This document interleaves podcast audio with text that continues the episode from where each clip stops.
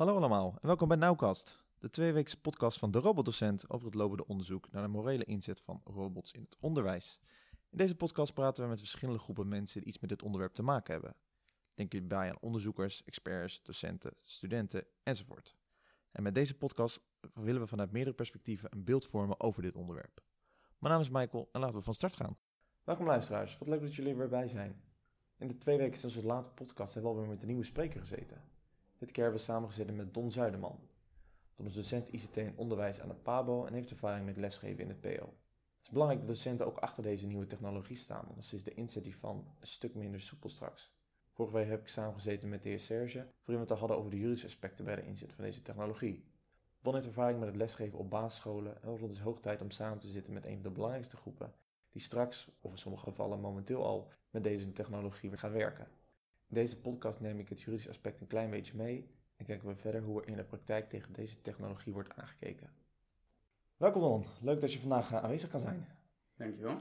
De standvraag die ik eigenlijk aan iedere deelnemer stel is, ben je al bekend met het onderzoek van Matthijs Smakman? Uh, wat ik gedaan heb toen ik uh, deze uitnodiging kreeg, was ik heb uh, de website bekeken en ik heb mm -hmm. de drie eerdere podcasts beluisterd. Dus dat is wat ik, wat ik ervan weet.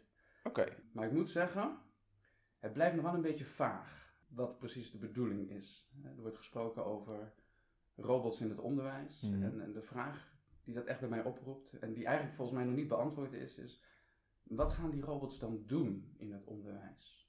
Ja, dat is een hele wat, wat zijn interessante de, de taken, de functies die je wil dat ze gaan uitvoeren? Ja, je ziet vooral nu dat een robot kan meerdere taken en functies uitvoeren. Je hebt bijvoorbeeld robots als programmeeropjecten. En dan leren bijvoorbeeld de kinderen door zelf die robots te programmeren. Maar je ziet ook dat robots een soort verlengstuk worden van de docent. En dat die dan naast de docent staat en sommige taken van de docent overneemt. Maar dat is nog een beetje vaag, dat laatste. Ik bedoel, de eerste, daar ben ik redelijk mee bekend. Maar de Ja. tweede, wat, wat dan? Wat zou die de robot dan doen? Ja, nou het is niet zo dat hij de, de robot de hele docent vervangt. Daar is hij gewoon nog helemaal niet slim genoeg voor. Maar wat hij bijvoorbeeld kan doen, stel een docent legt de tafels uit aan de leerlingen. Je merkt dat een bepaalde leerling een tafel moeilijk vindt. Kun je die leerling apart zetten met die robot. En die kan niet, want die robot wordt niet moe, dat is een van de voordelen. Kan je eigenlijk de tafels blijven herhalen met dat kind. Dat is één Maar- van de dingen. Is een robot dan in, in dit onderzoek, is dat hetzelfde gewoon als een stukje software? Nou, dat is het leuke inderdaad van ook ons ethische kant van het onderzoek. Dat een kind toch zo'n robot anders ziet. Je merkt dat ze, een tablet is een tablet. Als ze het laten vallen, oké jammer, ze voelen er veel minder voor. Maar als je zo'n robot voor het kind zet, dan krijgen ze in één keer een hele andere blik in het oog. En dan zijn ze in één keer heel anders geïnteresseerd. Oké, dus je bedoelt, het is een humanoid, robot, die Precies. een beetje eh, menselijke eigenschappen heeft, of eruit ziet als een mens, maar eigenlijk is het een stukje software. Precies. En Oké. daar zit hem dan het interessante vraagstuk in. Omdat de mensen die dit inzetten weten vaak het is gewoon software. Maar die kinderen zien dat heel anders. En daar zit hem gewoon het verschil in met de beamers en de tablets die we al hebben momenteel. Is dat zo? Zien kinderen het anders? Is dat al onderzocht? Ik bedoel, is daar aanleiding voor om echt aan te nemen, alle kinderen zien robots altijd anders? Of is het gewoon een leuke gimmick? Weet je wel, als, als mijn kinderen straks voor Sinterklaas iets nieuws krijgen, is het een paar weken geweldig en daarna verdwijnt het eh, in de kast en ja, is het gewoon dat. Nee, er is inderdaad wel ding. iets van een effect dat je aan het begin merkt uit wetenschappelijke studies. Blijkt dat ze extra geïnteresseerd zijn en dat het daarna gewoon wat afneemt. Maar dat ze alsnog wel een soort band met die robot. Niet allemaal. Sommigen blijven natuurlijk gewoon zien, naarmate ze ouder worden, vooral ook dat het gewoon een stuk technologie is. Maar vooral als ze jonger zijn, zie je dat ze toch een soort band voelen met die robot. Dus als die robot een keer zou vallen of hij kraakt, dan zie je echt wel dat sommige kinderen denken van, oh, zou die pijn hebben? En daar zit hem toch wel het grote verschil in met een tablet en een, eh, en een scherm. Ja, gewoon een eh, soort knuffel. Bijna wel inderdaad. En dat is wel heel interessant als je ziet, hoe jonger ze zijn, hoe meer het effect heeft. Dus op een gegeven moment zijn ze dan in groep 3, 4, 5. Daarna merk je echt dat ze dan het zien als een echt iets bijna. En naarmate ze ouder worden, groep 8, zo dan leren ze, nou wat is het nou eigenlijk meer? En dan kunnen ze het wel weer plaatsen als een stuk technologie. Dus daar zit nog wel een verschil in. Maar een hele goede vraag. Dat eh, is wel belangrijk. Dit was nog voorstelrandje. Ja, maar goed, een goede opening is altijd belangrijk. Nou, voor de luisteraars die het onderzoek verder nog niet kennen, in onze eerste podcast eh, leggen we uitgebreid uit eh, wat dit onderzoek inhoudt en waarom dit onderzoek dus relevant is. Dus we kijken vooral naar de ethische aspecten. En Don, je bent zelf ook docent, klopt dat? Ja, ik ben eh, docent aan de PABO, dus eh, lerarenopleider ehm, aan de Hogeschool Utrecht. En ik probeer mijn studenten eh, een beetje bij te brengen welke meerwaarde ICT kan bieden in het basisonderwijs. Ehm, wat ik probeer te doen in de eerste twee jaar komen we elk kwartaal hebben we aanbod en proberen de hele lijn van digitale geletterdheid aan bod te laten komen. Van ICT-basisvaardigheden tot mediawijsheid, informatievaardigheden, computational thinking. Ehm, dus ook programmeren eh, en, en eh, hoe je robots zou kunnen inzetten bij, eh, bij kinderen. Oké, en dat is al wel een groot onderdeel van? Of is het maar een klein, het inzetten van die robots? Want het is toch best wel... Het is, de computational thinking is één cursus nu aan het eind van jaar twee. Waarbij studenten moeten leren programmeren zelf in een programmeertaal. Die ook geschikt is vanaf ongeveer groep 5, Scratch is dat. Mhm. Ehm, dus het is een stukje eigen vaardigheid wat ze daarin moeten leren. En ze moeten ook programmeerles gaan geven op de basisschool. Waar ze stage lopen. Ehm, waarbij ze moeten kijken welke eh, programmeerconcepten willen ze aanbieden aan kinderen in, in die lessenreeks. En het belangrijkste eigenlijk daarbij is ehm, eh, de werkvormen die werken aan computational thinking. Dus dat je kinderen laat nadenken over wat doe ik nou eigenlijk? Wat ben ik nou mee bezig? Ik ben aan het programmeren.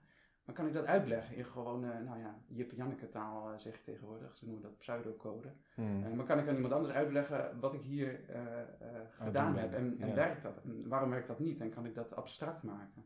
Oké, klinkt wel heel interessant. Ja, dat is heel leuk. Ja, ja. Ja. studenten die zeggen achteraf van, eh poeh, dit is een, he- hele moeilijke cursus, maar... Je leert er waarschijnlijk ook heel veel van, ja. dus, ja. Leuk. Voor de rest, heb jij toevallig zelf ook lesgegeven op een basisschool? Ja, voordat ik hier begon als, als docent heb ik op basisscholen gewerkt, verschillende.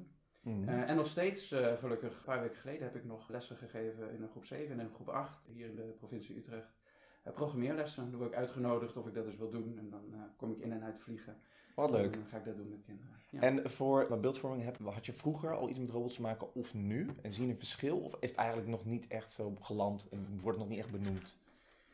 Ja, robots. Ik vind het lastig, wanneer is iets een robot? Ja, je hebt gelijk. Ik zal hem Het is een automatisch systeem volgens mij dat, dat routine opdrachten van je overneemt. Of, Ja, en in dit geval een humanoid robot. Dus dat je echt zo'n robot Eddie. Ik weet niet of je Eddie de robot kent. Ja, ja, ja. nou je ja, hebt, dat eh, soort... eh, wij hebben hier dan op de hogeschool een Pepper robot staan. Nou, dat. Echt waar je een. Fysieke robot hebt. Ja, nee, dan- ja, ik denk mijn eerste ervaring voor meeste mensen misschien ook is de, is de Tamagotchi die je in je broekzak had. Die ziet er op het schermpje uit als een, eh, als een lief beestje. En die probeer je te overvoeden zodat hij snel doodgaat en eh, opnieuw kan beginnen. Maar de echt menselijke robots die je hebt, ja, wat heb je tegenwoordig? Je hebt de, je hebt de Now, je hebt de Eddy. We, hebben, we werken met de M-bot, met de B-bot. Van Lego heb je verschillende robots die er ook een beetje uitzien als, als eh, menselijke robots. Natuurlijk, de, de Mindstorms is heel bekend. Ja. Ziet er dan heel stoer uit. Je hebt ook de Boost nu voor, van Lego. Die is al vanaf groep 3, 4 is die eh, makkelijk via een iPad te programmeren.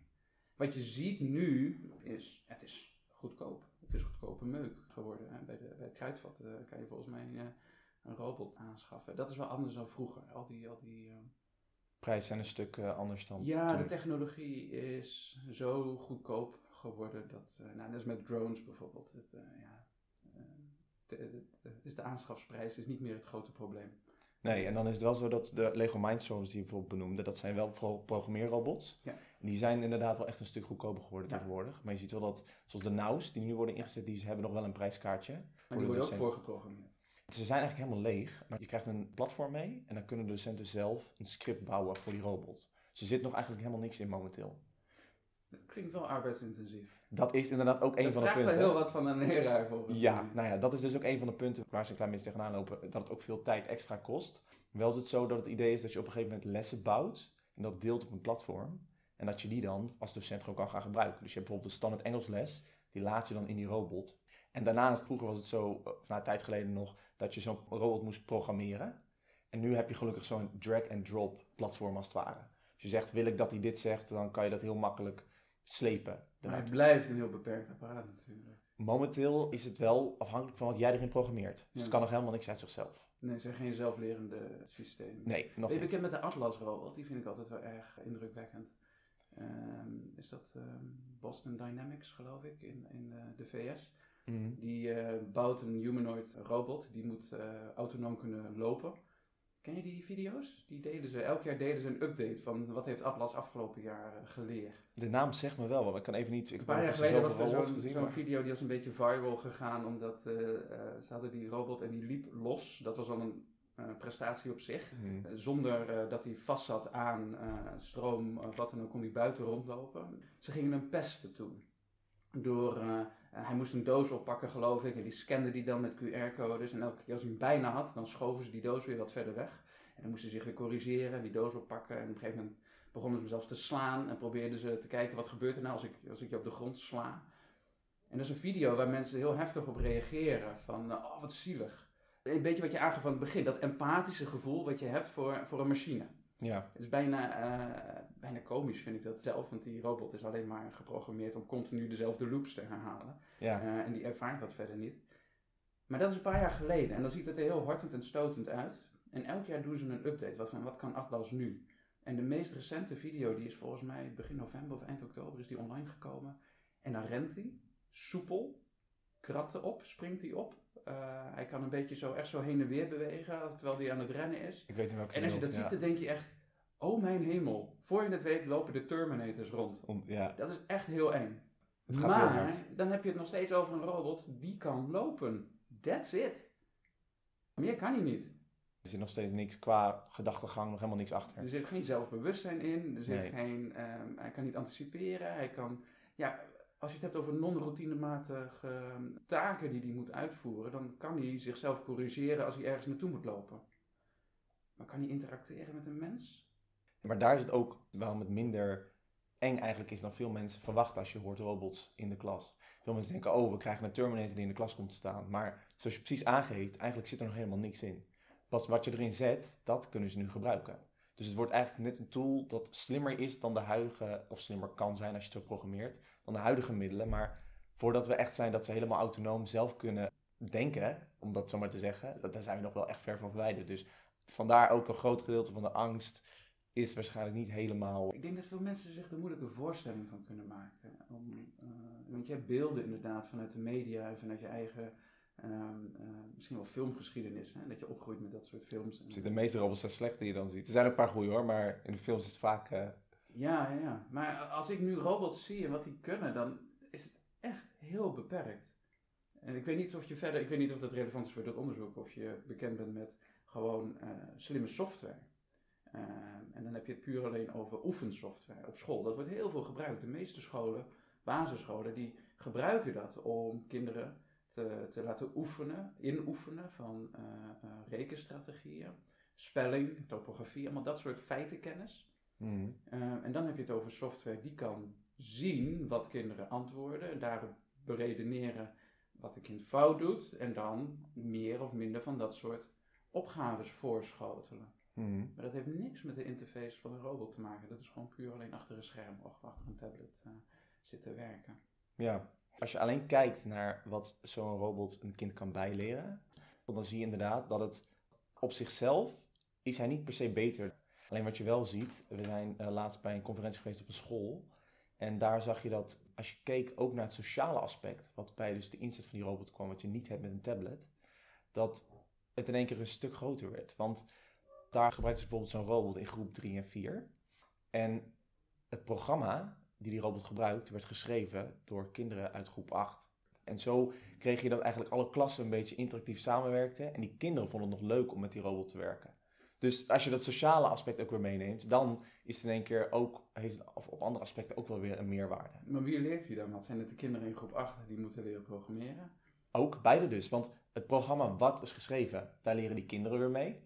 Want ze vinden het leuk, dus vaak onthouden ze het ook weer beter. En die kinderen uit groep 8 leren het weer door juist het programmeergedeelte onder de knie te krijgen. Ik vind het wel interessant wat je zegt over het sociale aspect, want dat is volgens mij juist een van de grootste tekortkomingen van een robot. Ik bedoel, een robot is niet iemand met wie je een relatie kan aangaan. Er is geen, er is geen um, inlevingsvermogen of empathie vanuit een robot. Um, je vertelt tegen een robot wat je afgelopen uh, weekend hebt gedaan. En de robot had bij wijze van spreken digitaal zijn schouders op, want het interesseert hem niks. Nee. Dat is toch wel heel erg anders dan met, met een mens, met een meester of een juf. Ja, en daar ligt dus ook eigenlijk ons hele onderzoek. We weten nu wel dat het ze het interessant vinden en bepaalde aspecten kan het bijdragen. Alleen, hoe zit dat dan inderdaad voor die sociale kant en alle ethische aspecten? Ik bedoel, wat voor effect heeft dat ook op de langere termijn? Want daar is een stuk minder naar gekeken in ieder geval. Dus dat willen we wel... Maar zijn ze dan al in staat? Omdat, het, ik bedoel, je, je gaat iets onderzoeken wat naar mijn ogen nog niet bestaat. Daar de inzet is er al wel. Wat bedoel je daarmee? Dat ze al wel een aantal basisscholen gebruikt worden, die robots. Momenteel. De nou-robot. Oh, de nou. Ja, dus de nou, dus de Eddie vorm, die wordt nu al echt wel gebruikt uit mijn hoofd binnen 18 basisscholen in Nederland. En omdat ze eigenlijk al gebruikt worden, kan je dat hele ethische aspect niet over het hoofd zien. Ja. Het eerste wat bij me opkwam toen, eh, toen ik werd uitgenodigd voor dit eh, onderzoek was een bekende quote van Sugata Mitra, Hmm. ehm, een Indiaanse wetenschapper. Die heeft wel een aardig project uitgevoerd. Dat is niet helemaal onomstreden. Zijn project Hij heeft ooit in de, in de buitenwijken van India heeft hij gewoon willekeurig een, een computer neergezet. En eh, dan ging hij een maand weg en dan kwam die een maand later kwam die terug. En dan hadden kinderen van alles en nog wat hadden ze zichzelf aangeleerd door middel van die computer. Ehm, maar goed, het is ook heel vaak mislukt, eh, zijn project. Hij, hij haalt een mooie voorbeelden aan in de presentaties die hij geeft. De andere die eh, hoor je niet. Nee, dat hoor je niet. hoor. Nee, nee, Nee. nee. Maar de mooie quote die hij zei, en dat, dat blijft volgens mij tot in, ja, ik, nou ik zou bijna willen zeggen tot in eeuwigheid blijft dat, blijft dat eh, overeind. Dat is, any teacher that could be replaced by a robot should be. Ja. Ja. Want ik denk echt dat je.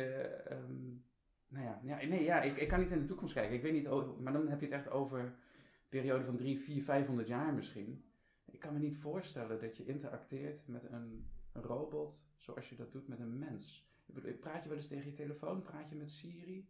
Ehm, Nee, alleen vragen. en dat zijn dan hele beperkte vragen. Ja, de helft van de tijd begrijpt hij het ook nog niet. En maar- zodra je vraagt van ehm, ehm, waar, is, eh, waar is de winkel, Eh, dan, dan weet hij dat soms al. Waar is de dichtstbijzijnde winkel?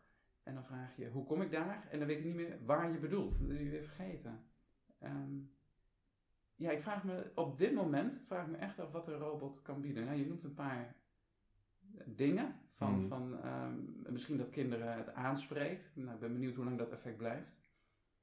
Ehm, maar ik vraag me af van, wat is er dan nog niet? Wat is dan wat we op dit moment missen? Want er is al zoveel aan educatief eh, materiaal, ook digitaal educatief materiaal, waarmee kinderen persoonlijk op eigen niveau kunnen oefenen. Tot in den treuren, eh, bij wijze van spreken. En waarbij de resultaten worden opgeslagen. eh, waarbij een leerkracht door middel van het dashboard toegang heeft tot, eh, tot eh, prestaties van kinderen die dat weer kan gebruiken voor eh, eh, rapporten of groepsoverzichten of al die dingen die, die ze doen. Nee, ik denk dat we ook gewoon heel erg in de beginfase staan. En Ja. dat het, dit eigenlijk de startpunt is van wat je zegt. Ze willen er naartoe dat je zo'n robot kan neerzetten. En dat die net als de meest slimste algoritmes en dan keer twee voldoende mogelijkheid heeft om binnen een onderwijspakket uit te wijken. eh, zodat hij eigenlijk zo'n kind voor die vragen die hij heeft over dat onderwerp voldoende kan bijleren. Dat je eigenlijk een soort mini-docent hebt naast de docent. Is het een soort onderwijsassistent? Zullen we die hele opleiding maar afschaffen? Nou, de- of misschien is zal het de eerste stap zijn. Eh, Ja. hij loopt mee naar de gym. Nou, ja, die, ik denk dat ze dat is daar... een atlasrobot die meenam naar de gym. Ik zie Ja. En die kan wel eens wegvinden, dus dat scheelt. Dat is onmogelijk. Ja. Maar ik, ja, ik denk dat daar, dat, inderdaad, we kunnen nu niet vergelijken. Dat die nou die nu zijn, zijn sowieso niet slimmer dan de allerslimste algoritmes. Maar ik denk wel dat ze daar naartoe willen. En dit is dat beginpunt. En juist daarom is het ook belangrijk in onze perceptie om dan ook vooral echt die morele weging mee te maken. Wat als die straks, hè? En wa- wat als er wat gebeurt? Dus je kijkt dan niet alleen naar wat hij nu al kan, maar wat je eigenlijk ook denkt waar hij naartoe gaat. Wat hij gaat worden. Want techniek, de huidige techniek wordt ook nog steeds doorontwikkeld. Ik bedoel, als je eerst keek naar de vroegere beamers had je. Nou, het was leuk, maar Nou, was... ja, eh, de overheadprojector, ik weet niet of jij die nog kent. Eh, op de middelbare school eh, werd er dan geschreven op doorzichtig papier. En Ja. werd door middel van een grote lamp werd dat geprojecteerd. op Oh ja, ja, ja, ja. Nou, nou moet je nagaan. Nou, van die gingen we dus naar een, een, een, beamer Voor bijvoorbeeld. Die hadden we net ook nog. Maar dan als je keek naar de kwaliteit die zo'n eh, beamer had, vergeleken met de eh ProWise smartboarden die we tegenwoordig nu hebben, hebben we ook weer stappen gemaakt. Dus Ja, nee, ik snap dat alles zich ontwikkelt. Ik, ik, ik, ik zie gewoon hoe moeilijk het is om te werken aan kunstmatige intelligentie. Als je kijkt hoeveel tijd en capaciteit er wordt gestopt in zelfrijdende auto's, in, in wat ik zei, die spraakherkenningssoftware voor, eh, voor apparaten. hmm, Ehm, en dan heb je het nog niet eens over de, de ambient computing eh, systemen, waarbij de meeste grote bedrijven zijn daarmee bezig. Hè? Facebook, eh, Google, Apple, die zijn allemaal bezig met een soort... ehm, kan het beste vergelijken volgens mij met de Starship Enterprise computer. Ken je Star Trek eh, van, van vroeger? Wel het vast wel eens gezien. ja, Er komt iemand de kamer binnenlopen en in de kamer zeg je, computer, ehm, eh, hoe, eh, hoe laat hupplepup? En dan krijg je antwoord vanuit het niets. Hmm, Dat je waar je ook bent, gewoon met een computer kan praten alsof het een mens is. En dat zie je nu met de, met de Google Home en met de Apple. Die heeft net zo'n zo'n zo'n ding uitgebracht. En Amazon heeft de Alexa, eh, zo'n zuil, die zet je dan in je woonkamer en dan kan je daarmee praten. Maar dat staat nog zo in de kinderschoenen. En het gaat zo vaak fout dat je je vraag moet herformuleren. Of dat ze niet snappen Ja. wat je zegt. Of, Dat is waar. Dat is waar. Dus eigenlijk zou je, ja, voor nu zou het meer een kennismaking zijn dan dat het echt een leertool is. Als ik het zo kan neerzetten. En robots, ja, ik zie het niet anders dan, ehm, dan als je als eh, meester of juf denkt, oké, we gaan nu bij de kleuters leren over mengen. Dus ik pak flessen ecoline en vingerverf eh, om te leren over wat, wat doen kleuren. Hmm. Ehm, en misschien in een hogere groep, of ook bij de kleuters kan ook, wil je leren over richting, eh, links, rechts, vooruit, achteruit. Dus ik heb allerlei leuke dingen in het lokaal opge- opgebouwd, zodat we een soort stappenplan kunnen maken. En ik heb ook een robotje, een B-bot, die geprogrammeerd kan worden om eh, dat soort begrippen te oefenen. Maar het is gewoon een tool. Het is iets wat je als leerkracht volgens mij kan kiezen om in te zetten. Met Hmm. voor- en nadelen. Want het is beperkt en als het niet meewerkt, wat doe je dan? Of je bent vergeten op te laden, of het wifi ligt eruit, of wat dan ook. Het zijn allemaal die hele praktische dingen die er continu voor zorgen. Dat, nou ja, als, als nu het internet eruit ligt, dan kan de klas bijna geen les krijgen, omdat het digibord niet werkt. Nee. Nee, dat is Dat is toch bizar eigenlijk? Ik denk, ik, waar zijn we dan mee bezig? Dat, dat je je zo afhankelijk maakt van techniek. En ik ben docent ICT hè, op de PABO, dus Ja, maar het gaat altijd om die, die afweging van, heeft het nut? Of is het leuk? om te doen meer. Ja, als het leuk is om te doen, ja. Zou je het dan wel moeten doen. ja. Maar laten we dan even een korte case scenario schetsen. Stel, Ja. we, wanneer zou dan... Want je, je zegt dus, er zou wel een meerwaarde kunnen zitten in die robots. Maar zoals ze nu zijn, is het gewoon meer werk eigenlijk dan dat het iets oplevert. Omdat ze gewoon nog zo... Ja, Nou, wat, ja, wat je, wat je voor, eh, als voorbeeld gaf aan het begin, is robots kunnen gebruikt worden om te leren programmeren. Dus dan leer je iets over abstract nadenken, je leert iets over volgordelijkheid. Je moet opdrachten kunnen omzetten in, in concepten en die moet je kunnen voeren in feite door middel van software aan een robot. Hmm. Dus een stukje software programmeren is wel moeilijk, maar helemaal als je dat dan ook nog combineert met een robot, als je die in elkaar moet zetten, dan kan ook de hardware fout gaan. Nou, daar leren kinderen, ja, wat leren ze er eigenlijk van? Er wordt wel gezegd dat ze van dat soort dingen beter leren lezen of beter leren rekenen en zo, maar eigenlijk geen enkel onderzoek tot nu toe toont dat aan. Er is geen transfer dat als kinderen leren programmeren, dat ze ook beter leren rekenen. Wat kinderen leren van programmeren, is programmeren. Hmm. Punt. Dat klopt, maar ze hebben wel gezegd dat de denkstappen die je maakt om bijvoorbeeld tot het resultaat te komen, dat leert je wel abstracter denken. En dat kan je... Ja, maar die toepassen. transfer is er dus niet automatisch. Dus dat betekent dat je als docent, als leraar, heel expliciet moet maken aan kinderen. En dat is bijna op individueel niveau. Van oké, wat heb je nu net gedaan? En probeer dat nou eens toe te passen in een andere context. Diezelfde denkstrategieën. En dan is het vaak heel moeilijk om dat te doen. Pas meer bij dat onderwerp dan dat je het breed kan inzetten, bedoel je? Die denkwijze. Ja, een van de moeilijkste dingen. ehm, ben je bekend met ehm taxonomie van Bloom over het stellen van opdrachten of vragen aan leerlingen of studenten? Nee, Ehm, niks. die is ook niet onomstreden, dus ik weet dat er, dat er ook veel commentaar eh, op is. Maar ehm, Bloom die onderscheidt verschillende niveaus van vragen of opdrachten die je kan stellen. En het meest basale niveau zijn de, de, de feitenvraagjes. Hoeveel is 7 keer 6? Wat is de hoofdstad van België? Hoe schrijf je het woordje geit? Nou, dat soort dingen. Hmm. Dat kun je ontzettend goed ondervangen in software. Dat is routinematig, die kan het makkelijk checken en die kan zeggen dat is goed of fout. En die kan oneindig van dat soort opgaven genereren. En dat is eigenlijk gewoon stampwerk. Eh, zoals je misschien vroeger Franse woordjes hebt eh, geleerd. Precies, alleen maar je de en dan... overhoring had en daarna was het weer kwijt. Ja. Hmm. Maar zodra het iets ingewikkelder wordt, want dat is echt, Bloem zegt dat is het laagste niveau, zodra het iets ingewikkelder wordt, dan kan je ook uitleggen, begrijp je eh, waarom iets is, daar kan een robot dat al niet meer interpreteren. Momenteel niet, nee. Nee. En dat is pas niveau 2. Hij gaat helemaal door tot de 6. dus we hebben nog even te gaan toepassen, wat ik dus net probeerde te zeggen. Toepassen is, je hebt iets geleerd in situatie A, en kan je dat dan ook doen in situatie B, in een andere context. Dus je hebt, wat jij net aangaf, je hebt geleerd abstract na te denken. Hmm. Betekent dat het ook dat als ik je een nieuw probleem geef, dat je dat dan kan oplossen? Met de vaardigheden die je net hebt geleerd. Dat is zo moeilijk dat je Hmm. vaak daar ook weer hulp bij nodig hebt. En iemand die boven de stof staat, die kan aanwijzen of tips kan geven van kijk, wat je hier hebt gedaan, dat is in feite hetzelfde als daar. Of deze stap waar je nu vastloopt, die is eh, komt overeen met de stap die je net ook hebt gedaan. Je moet het zo expliciteren. Eh, en dan moet je heel goed weten wat denkprocessen zijn van kinderen. En heel goed kunnen voorstellen van waar kan het fout gaan. Of, ehm, het is niks voor niks. Hè? De, heer, de huur die heeft zelf ook het beleid van je moet altijd hoger zijn opgeleid dan het niveau waarvoor je zelf opleidt. Dus als je hier les geeft op de huur aan een bachelor, moet je een master hebben. Als je les geeft aan een master, moet je gepromoveerd zijn enzovoort. Ja. Het is niet voor niks dat, eh, dat een, een, een lerarenopleiding bij ons, ja, die duurt gewoon minimaal vier jaar. Ja. ja, daarom verwachten we ook niet dat op korte termijn hoor, zo'n Ja. nauwrobot überhaupt de docent gaat vervangen. Maar dan, in, in hoeverre denk je dat zo'n robot dan slimmer moet worden, voordat ze wel een meerwaarde Ja, als nou, dat, dat hangt er dus af. Wat wil je dat hij doet? Kijk, Ja, als, jij, als oké. jij wil, eh, als je zegt van, eh, het spreekt de kinderen aan en ze hebben een band met onze robot. Ik vergelijk het een beetje met zo'n zo'n teddybeer, die gaat elk weekend met een ander kindje mee naar huis. En die mag dan foto's maken van die teddybeer en dan de volgende dag erover vertellen. De hele klas vindt dat leuk. Dus als je zegt, we hebben een robot in de klas en de kinderen vinden hem leuk en hij kan opdrachten geven. En hij kan ze overhoren of ze kunnen oefenen met hem. Prima. Volgens mij kan dat enigszins op dit moment. Ja, ja, ja, Ja. dat kan inderdaad. Dat er Verder is volgens mij de vraag, wat zou, je, wat zou je nog meer verwachten dat hij zou moeten kunnen? Ja, dus wat wil je er precies mee? Ja, wil je dat hij overlegt met collega's? Wil je dat hij nadenkt over het curriculum? Wil je dat hij plannen opstelt voor kinderen? Dat hij gaat differentiëren binnen de klas? Wil je dat hij de klassenmanagement dingen gaat regelen? Eh, eh, Ja. ja, ik denk dat ze hem vooral nu gaan willen inzetten als eh, het ontlasten van de docent.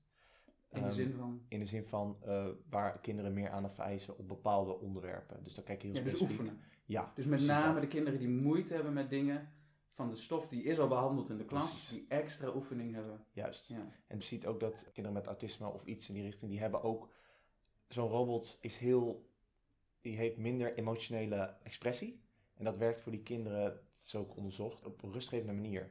Dus voor die kinderen zou dat ook een meerwaarde kunnen bieden als hij dan wat vertelt. Want het gaat op een hele monotone manier.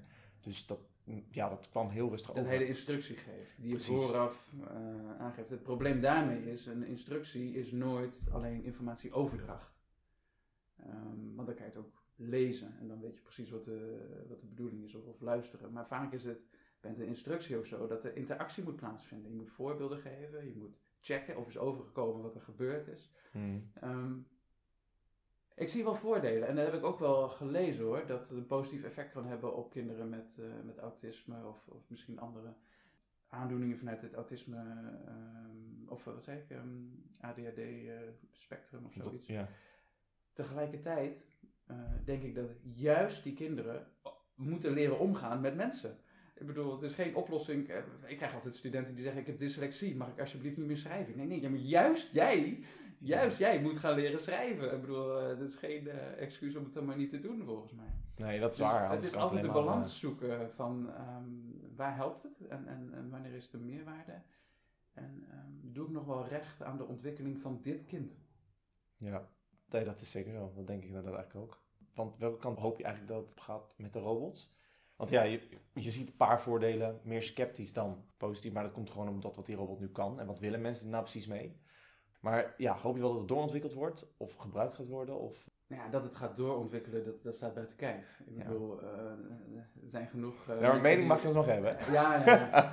Maar inderdaad, het is... eh, Ik bedoel, zolang, zolang de mens rondloopt hier op aarde, is het altijd bezig met eh, nieuwe technieken vinden en altijd de grenzen opzoeken. Het is niet voor niks dat we naar, naar de maan zijn geweest. En wat, wat is de grootste uitvinding? eh, ik wilde tegenwoordig zeggen waarschijnlijk wifi, maar volgens mij is het vuur of het wiel of zo als je, als je, als je teruggaat. Dus het blijft zich doorontwikkelen, eh, natuurlijk.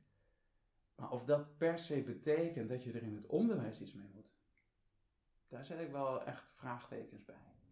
Er is ook best wel veel, eh, een grote roep vanuit met name het bedrijfsleven, die zegt kinderen moeten leren programmeren en beginnen bij de kleuters. Ehm, en dat kan. Hè. De, de middelen zijn er, de materialen zijn er. Ehm, maar wat is je doel daarmee? Wil je programmeurs creëren eh, al? Wil je ze denkstrategieën aanleren?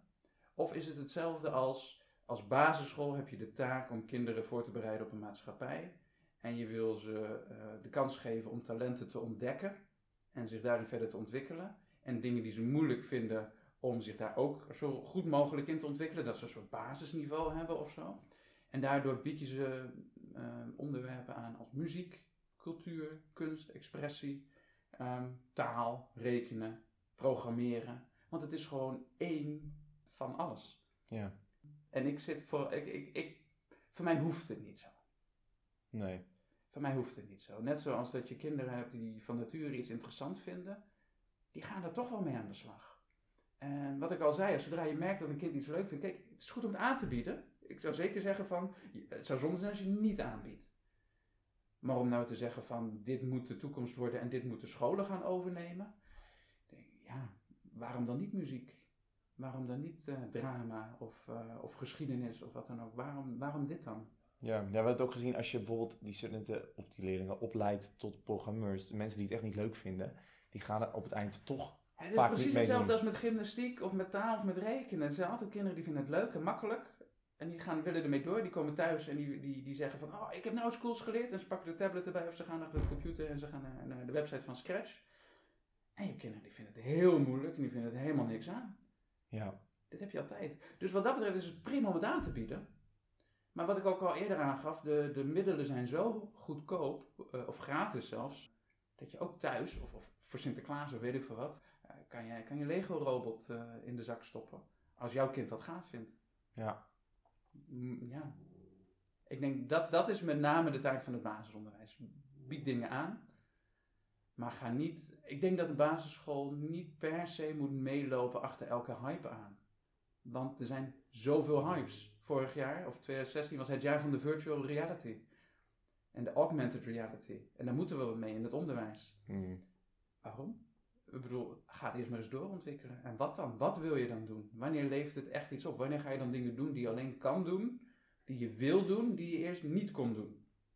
ja, want daar komen we dat ook tegen. Je ziet inderdaad, als het nog niet helemaal uitontwikkeld is of nog in de kinderschoenen staat, is het dan nog wel slim om het bij een van de kwetsbaarste doelgroepen in te zetten. Hoe duur is zo'n eh, zo'n robot? Zo'n nauwrobot, eh, kan je zeggen gemiddeld 6000. Het is wel zonde als die dan na een paar maandjes eh, niks gaat doen. Net als de Nee. 3D-printers, net als, Ja. eh, noem maar op. Ja, nee, dingen. zeker. Maar daarom inderdaad, als je alleen dus kijkt naar dat, wat ze dan aan kan leren momenteel, is, al, is het al minder dan als je naar het totaalplaatje kijkt. Dus ook het sociaal aspect, als je dat meeneemt, kan het dan weer meer waard zijn. Maar dat is inderdaad wat je zegt. Welk doel heb je met die robot? En welk, ja, wa- waarvoor wil je hem precies inzetten? Ja. Nee, dat is eigenlijk een vraag die moeten jullie beantwoorden, eh, volgens mij. Of, Nou ja. of de scholen die ermee bezig zijn. Precies. Ja, kijk, wij kijken vooral dat als ze hem gaan inzetten, hoe dit dan op een ethische manier? Want dat is dan de mensen die het gaan gebruiken. En wat bedoel je met ethisch? Nou, een van de eh, punten is bijvoorbeeld zo'n robot. Hij is dan nu, slaat hij dan nog niks op, maar ze willen later ook dat hij wat meer gaat personaliseren. Dus dat betekent dat je gegevens van die kinderen opslaat. Maar dat gebeurt nu ook al. De nauwrobots momenteel niet. Nee, maar met ehm, kinderen die werken achter tablets. Ze zitten achter Ambrasoft, ze zitten achter ehm, eh, allerlei programma's die continu opslaan eh, wat ze doen. Leraren houden de voortgang allemaal bij in leerlingvolgsystemen. Alles wordt opgeslagen, alles wordt bewaard. Ja, maar voor die tablets is het niet zo dat dan de school daarvoor al toestemming heeft gevraagd? Of een docent? Of wordt het gewoon maar zo gedaan? Maar werd vroeger gevraagd of je dingen in een schriftje mag schrijven? Eh, Nee, maar werd het dan gebruikt? Want dat is natuurlijk voor jezelf Ja, het wordt gebruikt om ontwikkeling vast te leggen en om eh, eh, te bepalen welke lesstof je wil aanbieden en welke remediëring leerlingen nodig hebben om rapporten te kunnen schrijven. Oké, Daar wordt het voor gebruikt. Ja. En Maar- hopelijk om te bepalen hoe kinderen functioneren in, in de klas. Ja, alleen met de digitale content en natuurlijk met de nieuwe AVG-wet is iedereen een beetje nog scherper geworden op dit soort dingen.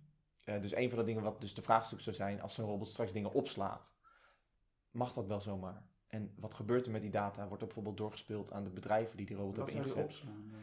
Eh, De beelden, van, kijk even ogen en oren, die robot. Dus camera's. Dus je hebt eigenlijk de hele tijd dat die robot in de klas staart, heb je beelden van kinderen.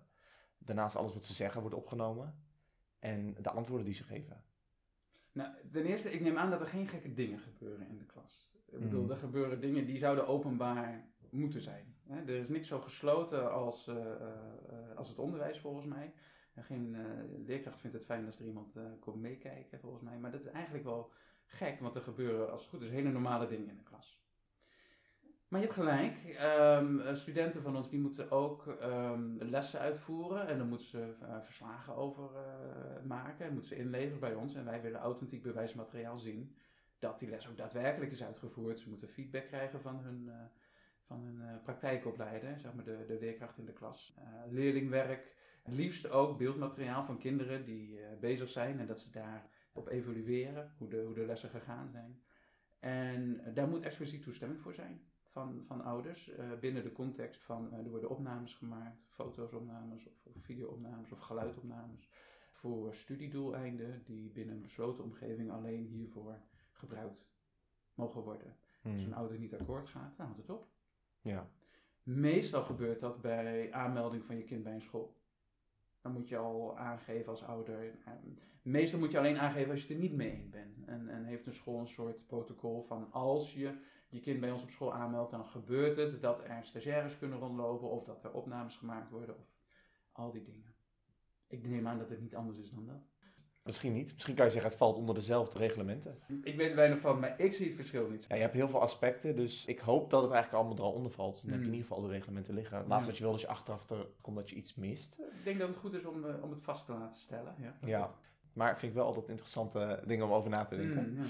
Maar helemaal goed, dan wil ik je bedanken voor je aanwezigheid. Graag gedaan. En dan uh, wens ik je in ieder geval nog veilig. Oké, dank je. Vond je dit nou een hele leuke podcast? Laat dan zeker een review achter en deel hem vooral. De podcast is te vinden op Soundcloud en op onze website derobotdocent.nl. En als je er toch bent, neem ook een kijkje in onze vlog voor een visuele update. Voor nu houdoe en tot de volgende.